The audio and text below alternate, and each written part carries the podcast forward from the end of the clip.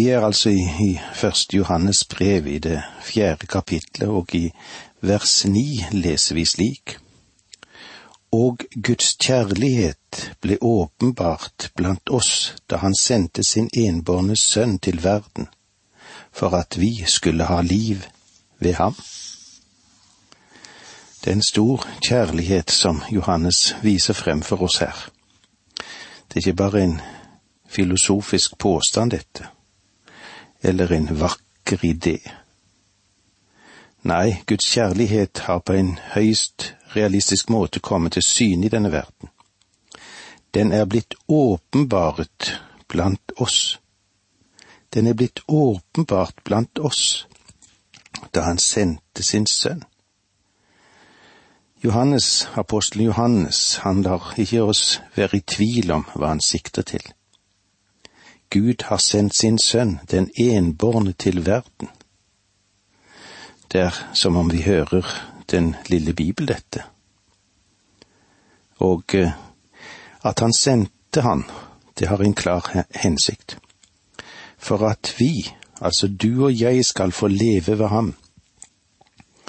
Uten sønn er vi alle sammen fortapt, overlatt til den evige døds skjebne. Men ved ham, altså ved troen på og livsforbindelse med ham, skal vi leve. Det vil si å ha det evige liv. Og Guds kjærlighet ble åpenbaret blant oss da Han sendte sin enbårne sønn til verden, for at vi skulle ha liv ved ham. Gud har bevist sin kjærlighet. Han ga livet for oss, og det er beviset på hans kjærlighet, dette. Paulus skrev òg om dette i Romerne 5-7. Selv for en rettskaffen mann ville vel neppe noen gå i døden. Eller kanskje ville noen våge livet for en som er god. Jeg vet ikke om du kunne fått noen til å gå i livet for deg, gitt sitt liv for deg. Jeg har på følelsen av at jeg ville ha hatt problemer med å finne noen for min egen del. Men Gud har bevist sin kjærlighet. Han ga sin sønn i døden for deg, og det gjorde han ikke etter at du var funnet skyldig til å være gjenstand for denne kjærlighet. Nei, Gud elsket deg mens du enda var en synder. Romerbrevet fem, seks. Da vi ennå var svake, døde Kristus til fastsatt tid for ugudelige. Gud elsket oss. Romerbrevet fem, åtte. Men Gud viser sin kjærlighet til oss ved at Kristus døde for oss da vi ennå var syndere. Forklaringen til denne kjærligheten finnes i ham og ikke i oss. For vi er ikke elskelige, og noen av oss ser ikke ut til å bli mer elskelige ettersom årene går heller. Eller hva mener du? Gud sendte sin enbårne sønn til verden for at vi skulle ha liv ved ham. Her er ennå et vers for de som vil rane fra oss Kristi guddom og eh, det de venner seg til. Når han her ble kalt den enbårne sønn, så betyr det at han har et unikt fellesskap med Faderen. Han ble ikke skapt. Gud kalte de skapte engler sine sønner, og han sier at de som stoler på Kristus er Guds barn. Og likevel sier han at den Herre Jesus er den enbårne sønn. Det er interessant at det samme blir sagt om Isak, som det står i Hebrebrevet 11,17. I tro bar Abraham fram Isak som offer den gang han ble satt på prøve. Sin eneste sønn var han villig til å ofre. Ved denne tiden hadde Abraham allerede en sønn, nemlig Ismael, og senere fikk han andre sønner. Ismael var like mye Abrahams, Abrahams sønn som Isak var det. og kanskje Ismael han var mer lik og så gjerne likere ut Abraham enn hva Isak gjorde. Men Isak ble kalt hans eneste sønn. Hvorfor? Fordi han var enestående. Hans fødsel, det var jo et under. Og han sto i et enestående fellesskap som ikke blir delt av noen av Abrahams øvrige sønner. Den Herre Jesu Kristi stilling i Guds sammenheng er at han er evig sønn av evig Fader. Vi kan ikke ha en evig far uten en evig sønn. Gud er ikke far på den måten som en far i menneskelig forstand er det. Gud er Ånden, sa den Herre Jesus. Den enbårne sønn er Faderens unike sønn. Andre er sønner ved skapelse, som Adam og englene. Eller ved en ny fødsel, som de troende er. Men Jesus Kristus alene er den enestående Sønnen. For at vi skulle ha liv ved ham. Hvordan kan vi ha liv ved ham? Vi skal leve gjennom ham fordi han døde. Hans død gir oss liv, som såkornet dør og gir nytt liv. Vers ti kapittel fire her i første Johannes brevet.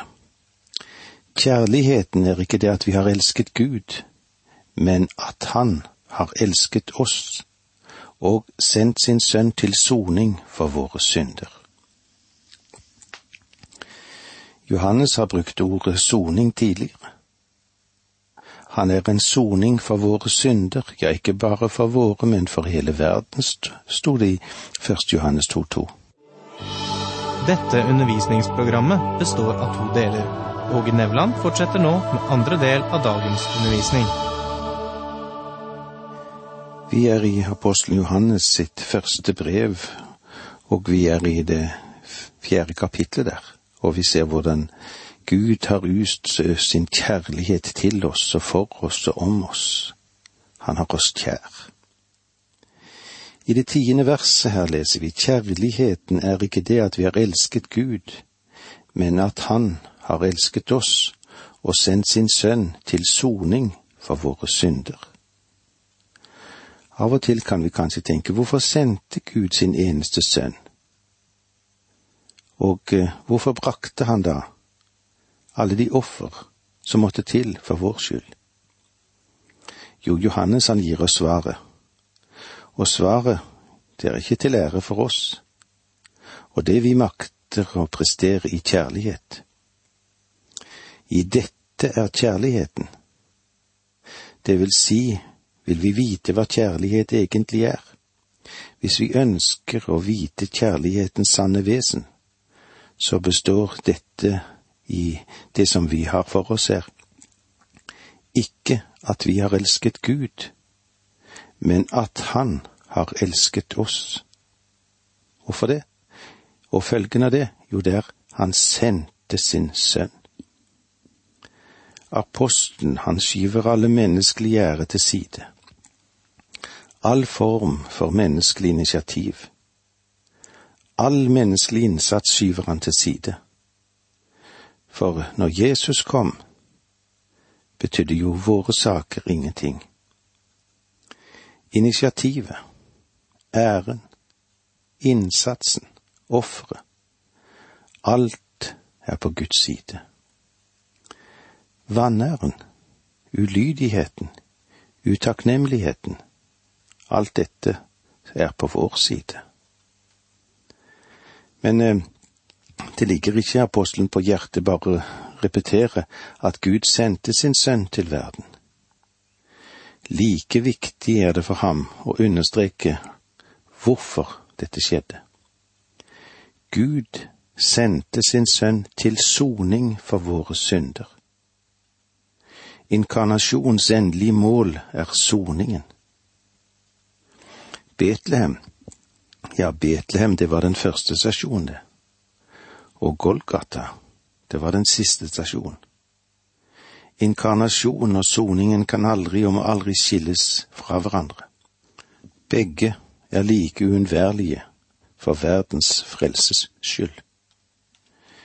Kjærligheten er ikke det at vi har elsket Gud, men at Han har elsket oss og sendt sin sønn til soning for våre synder. To ganger i dette kapitlet gir Johannes oss en definisjon på Gud er kjærlighet. I vers åtte og igjen i vers 16. Dette er vidunderlig, men jeg vil at du skal legge merke til noe ved dette vi er innom. Gud frelser oss ikke ved kjærlighet. Han elsker oss, og vi må ikke miste det av syne, men Gud kan ikke bare åpne himmelens bakdør og slippe oss inn i ly av mørket, fordi Han elsker oss. Gud kan ikke fjerne tersklene til himmelporten og bringe oss inn gjennom hoveddøren. Gud kan ikke gjøre det, og Gud vil ikke gjøre det fordi han er hellig, og han er rettferdig. Han er rettferdighetens Gud. I menneskelig sammenheng er det slik at hvis vi har penger nok og innflytelse nok, så kan vi komme unna en hel del urettferdighet. Det er den fattige som ikke slipper unna. Og det er det tragiske i dag at vi tror at rettferdighet kan kjøpes. Selv om Gud elsker deg, så frelser han deg ikke ved kjærlighet. Han kan ikke frelse deg ved kjærlighet. Gud måtte gjøre noe med syndens faktum fordi han er hellig og rettferdig, og det han gjør, det er rett. Så Gud ga sin sønn til soning på korset for deg og meg, for å betale straffen for vår synd, så at den hellige Gud kan strekke seg ned og frelse oss. Og det er bare på dette grunnlaget at en hellig Gud kan frelse oss. Han kan ikke frelse oss på noe annet grunnlag i det hele tatt. Kristus er nådestolen, og det er der Gud åpenbarer seg sin kjærlighet. Du kjenner godt til det som står i Johannes 3, 16. For så høyt har Gud elsket verden at han gav sin sønn den enbårne, for at hver den som tror på ham, ikke skal gå fortapt, men har evig liv. Kjærligheten er ikke det at vi har elsket Gud. Vi elsket ikke ham først. Gud gjorde ikke dette for oss fordi vi var tiltalende, eller fordi vi var gode, eller fordi vi lovet å gjøre noe. Gud elsket oss mens vi ennå var syndere. Vi må være klare over det at Gud viser sin kjærlighet mot oss ved at Kristus døde for oss mens vi ennå var syndere, som det står i Romerbrevet 5,8. Da var det Gud satte inn, og det var da Gud viste at han elsket oss og hadde kjærlighet til oss. Han har banet en vei for oss, og spørsmålet er, vil vi akseptere den? Jesus sa, Jeg er veien, sannheten og livet. Ingen kommer til Faderen uten ved meg. Johannes 14, 14,6. Du kan enten komme slik Han har forordnet det, eller så er det stengt. Det er nonsens å tro at fordi Gud er kjærlighet, vil alt bli bra til slutt, og alle vil til sist ende opp i himmelen. Det kommer til å bli rett til slutt, fordi den som er fortapt, går til en tapets evighet, og den som er frelst, går til en frelst evighet. Og derfor er det at tingene til sist skal avgjøres rett. Hvordan kommer det til å fungere for deg, tror du?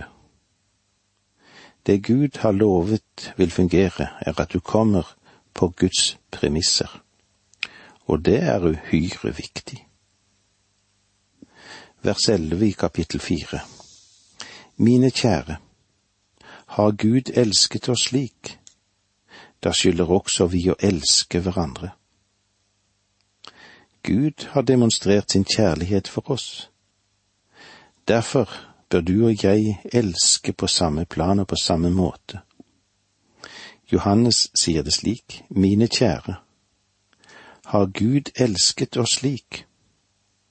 Og dette fører oss tilbake til det som står i vers ti, i dette er kjærligheten, at Han har elsket oss og sendt sin sønn.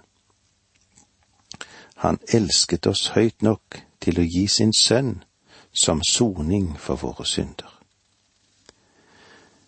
Om eh, vi elsker dem som elsker oss, eller om det er et selvisk motiv ved at vi elsker dem, så er det ingen verdi i det. Den Herre Jesus hadde slik i Matteus 5, 46. For om dere elsker dem som elsker dere, hva godt gjør dere da? Gjør ikke tollerne det samme?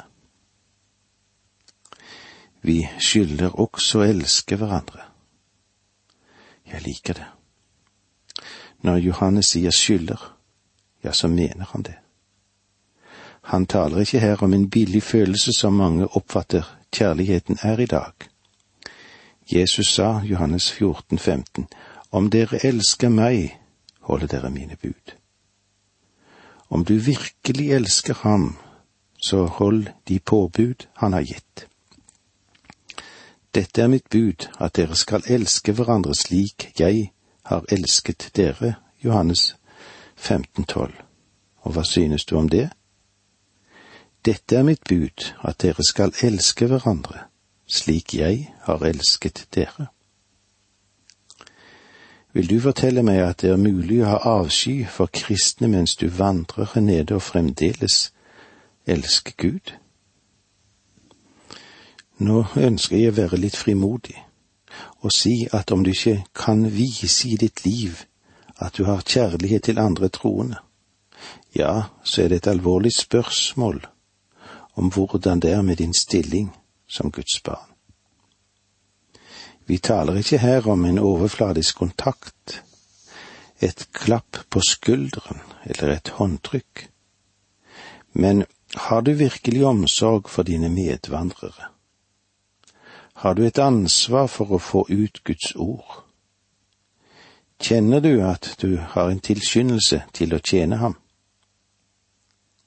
Den Herre Jesus kunne si til og med på korset, Fader, tilgi dem, for de vet ikke hva de gjør, som det står i Lukas 23, 34.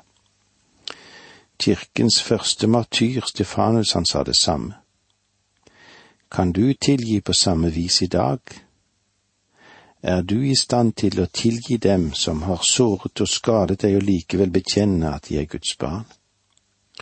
Og om de ikke kan gjengjelde din kjærlighet, så er det spørsmål om hvorvidt de har sitt barnekår i Gud eller ikke.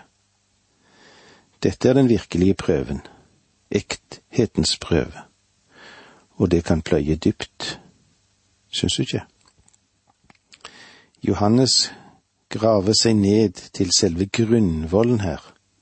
Elsker du Gud, og har du kjærlighet til andre kristne? Med disse ordene må vi si takk for nå, må Gud være med deg.